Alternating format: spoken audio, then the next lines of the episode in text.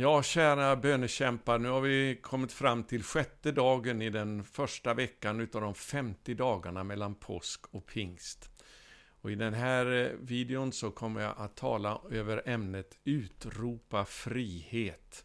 Och jag ska återigen gå till eh, tredje Mosebok kapitel 25 och läsa vers 10 som handlar om jubelåret.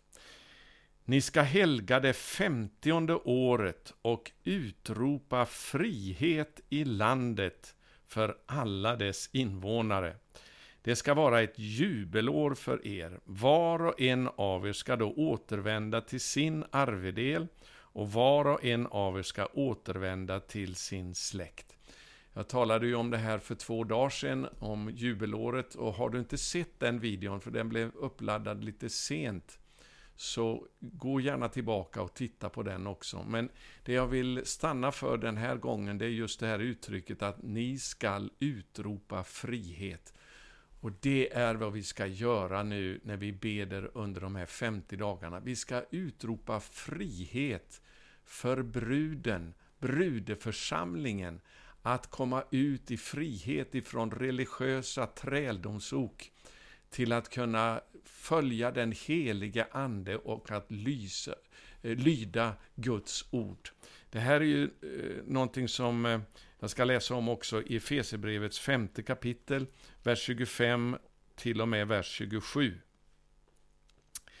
Ni män, älska era hustrur så som Kristus har älskat församlingen och offrat sig för den, för att helga den, sedan han renat den genom vattnets bad i kraft av ordet.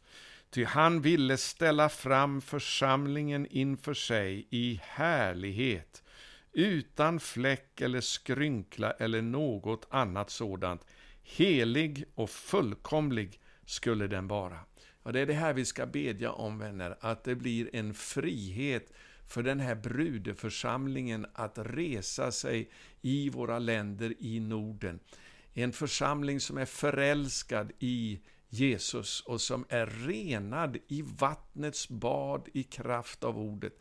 Och Det här har ju också att göra med då att vi ska bedja om eh, förkunnare som verkligen ger sig själva helt åt bönens och ordets tjänst, som det står i Apostlagärningarna 6 och 4. Det är sådana förkunnare vi behöver idag igen. Jag har läst de sista dagarna nu en biografi över Fredrik Fransson. En del av er kanske inte vet vem han var, men det var en av de största eh, troshjältarna vi har haft i det här landet. Som gav sig helt till 100% i Herrens tjänst. Och han levde sannerligen i bönen och ordets tjänst. Och tusentals blev frälsta eh, under hans möten. Det var ju så att han föddes i Sverige men flyttade sen med familjen till USA. Det var där han kom till tro och fick sin kallelse till att bli förkunnare. Han blev ju en världsmissionär av sällan skådat slag. En av de starkaste missionsgestalterna faktiskt vi känner till. Eh, men hur som helst, när han var 29 år så kom han tillbaka till Sverige för att predika. Och han kunde predika här i ett och ett halvt år ungefär, där tusentals blev frälsta i hans möten. Men tänk i vartenda möte han hade, varenda plats han besökte, så blev han arresterad av polisen på grund av att kyrkorådet på plats efter plats anmälde honom för att han orsakade splittring. Men eh, ja, så är det, ingenting är nytt under solen. Så, eh, men tänk vilket redskap han var för Gud till att vinna människor. Och både eh, i Norge också, dit han kom, i Danmark och i Finland, där han startade missionsföreningar och församlingar som blev kraftigt växande. Ett riktigt eldsvittne. Så den här friheten eh, för en brud att resa sig i våra länder i Norden nu genom ordets förkunnelse, det är vad vi ska bedja om. Och jag har fastnat i min bön här eh, idag just för det här uttrycket i tredje Mosebok 25 och 10. Ni skall utropa frihet. Halleluja. Vi ska ropa ut den friheten i bönen och frihet framför allt ifrån människofruktan. Det var någonting som slog mig när jag läste om Fredrik Fransson. Han var fullständigt fri ifrån människofruktan. Han blev nedskriven i tidningarna, han blev arresterad, han blev anmäld på plats efter plats. Men han vek inte en millimeter ifrån det som Gud hade lagt på hans hjärta att predika. Och folk samlades i skaror överallt. Han nådde tiotusentals människor under de ett och ett halvt åren han reste runt i Sverige i slutet på 1880-talet. Ehm, men hur som helst, det är det här vi ska utropa frihet också för ehm, speciellt ledare att bli helt fria ifrån människofruktan. Och det är ju så att gudsfruktan är det som driver ut all människofruktan. När vi fruktar Gud och hans ord, det är då vi kan bli fria ifrån människofruktan. Därför vi bryr oss mer om vad Gud säger, vad han tycker, än vad människor säger.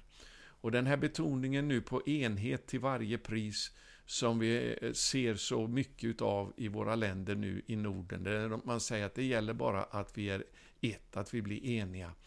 Men det kan inte ske på vilket pris som helst. Det måste börja med lydnad för Gud. Om vi inte börjar där så visar det bara hur långt vi har avfallit, att vi inte eh, har respekt för Gud och hans ord, vi har saknat gudsfruktan och det blir ingen framgång på det. Men nu ska vi be, vi ska utropa frihet för brudeförsamlingen att resa sig i våra länder för att vara redo för eh, Messias ankomst. Eh, jag vill också, ett annat bibelställe som Herren har lagt på mitt hjärta här i samband med det här, det är eh, Hesekiel 37 om de torra benen som ska få liv. Och Det här är också någonting som vi kan få vara med att ropa ut och profetera om att Anden ska komma och blåsa liv i de torra benen överallt i församlingarna där de finns. Och det finns torra ben som inte ens är har kommit till tro ännu. Men jag ska läsa den här texten för den är så uppbyggande. Hesekiel 37 ifrån vers 1. Herrens hand kom över mig och genom Herrens ande fördes jag bort och sattes ner mitt i en dal som var full med ben. Han förde mig fram bland dem och se, de låg där i stora mängder utöver dalen och de var alldeles förtorkade. Han sa till mig, du människobarn, kan de här benen få liv igen? Jag svarade, Herre, Herre, du vet det.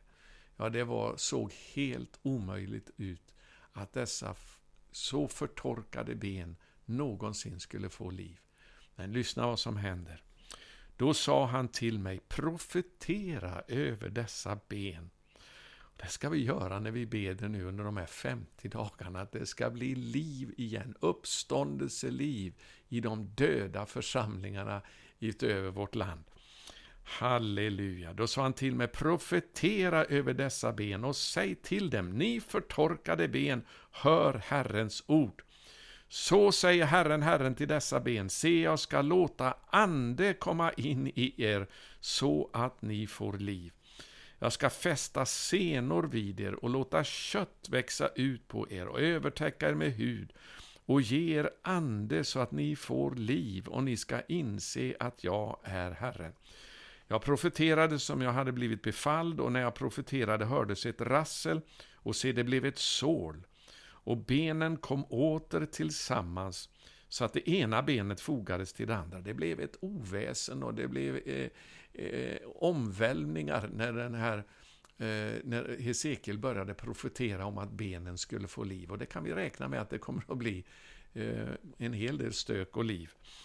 Eh, och så står det då, vers 8, medan jag såg på växte senor och kött på dem och det täcktes med hud. Men ännu fanns det ingen ande i dem. Då sa han till mig, profetera till anden Eh, så det första var alltså att han skulle profetera över benen, att de skulle komma samman. Men sedan så säger Herren till honom, profetera till anden. Jag profeterar du människobarn och säg till anden. Så säger Herren, Herren, kom du ande. Ande och vind är samma ord på hebreiska, så det här har med andens vind att göra. Kom du ande från de fyra väderstrecken och blås på dessa slagna så att de får liv. Och jag profeterade som han hade befallt mig. Då kom anden in i dem och de fick liv och reste sig upp på sina fötter en mycket stor skara. En stor armé kan det också översättas med. Han sa till mig, och här står det då att det här gäller ju i första hand Israel. Eh, men andligt sett så kan vi också tillämpa det här på församlingen. Så han sa till mig, du människobarn, dessa ben är hela Israels hus. Se, det säger, våra ben är förtorkade, vårt hopp är ute, det är slut med oss. Och så är det också på många håll när det gäller församlingen i våra länder, speciellt i Sverige. Profetera därför och säg till dem, så säger Herren, Herren, se jag ska öppna era gravar och låta er mitt folk komma upp ur era gravar och låta er komma till Israels land. Och precis som det judiska folket återvänder nu till sitt eget land och det ska vi be om. Eh, parallellt med att vi ber det nu för församlingen och församlingarna i Norden så ska vi be också om upprättelsen av Israel genom att Guds egendomsfolk eh, det judiska folket vänder tillbaka igen. Ett så viktigt bönämne. För parallellt med det återvändandet av det judiska folket fysiskt till deras fysiska land, så kommer vi också att få se, för det går hand i hand, en andlig upprättelse av församlingen tillbaka till vårt utlovade löftesland, andligt sett. Eh, det som vi läser om i Apostlagärningarna. Vi talade om det igår också. Eh, profetera därför och säg till dem, eh, så säger Herren, Herren, se jag ska öppna era gravar och låta er mitt folk komma upp ur era gravar och låta er komma till Israels land. Ni ska inse att jag är Herren, när jag öppnar era gravar för er mitt folk, upp ur dem.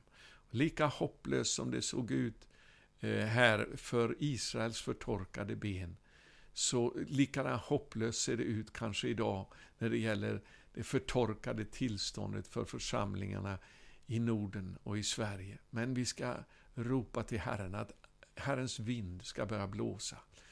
Vi åkallar blod och eld, Andens eld, att komma under de här dagarna.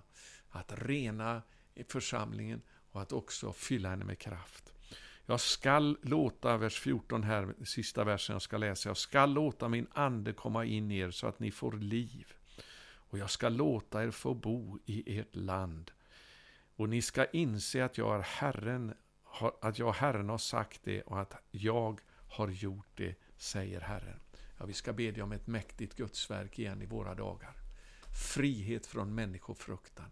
Kraft och eld över våra liv, först och främst till att be.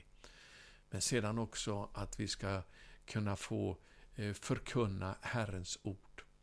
Så att det kommer att bli en ren brudeförsamling som reser sig upp redo för Eh, Messias ankomst.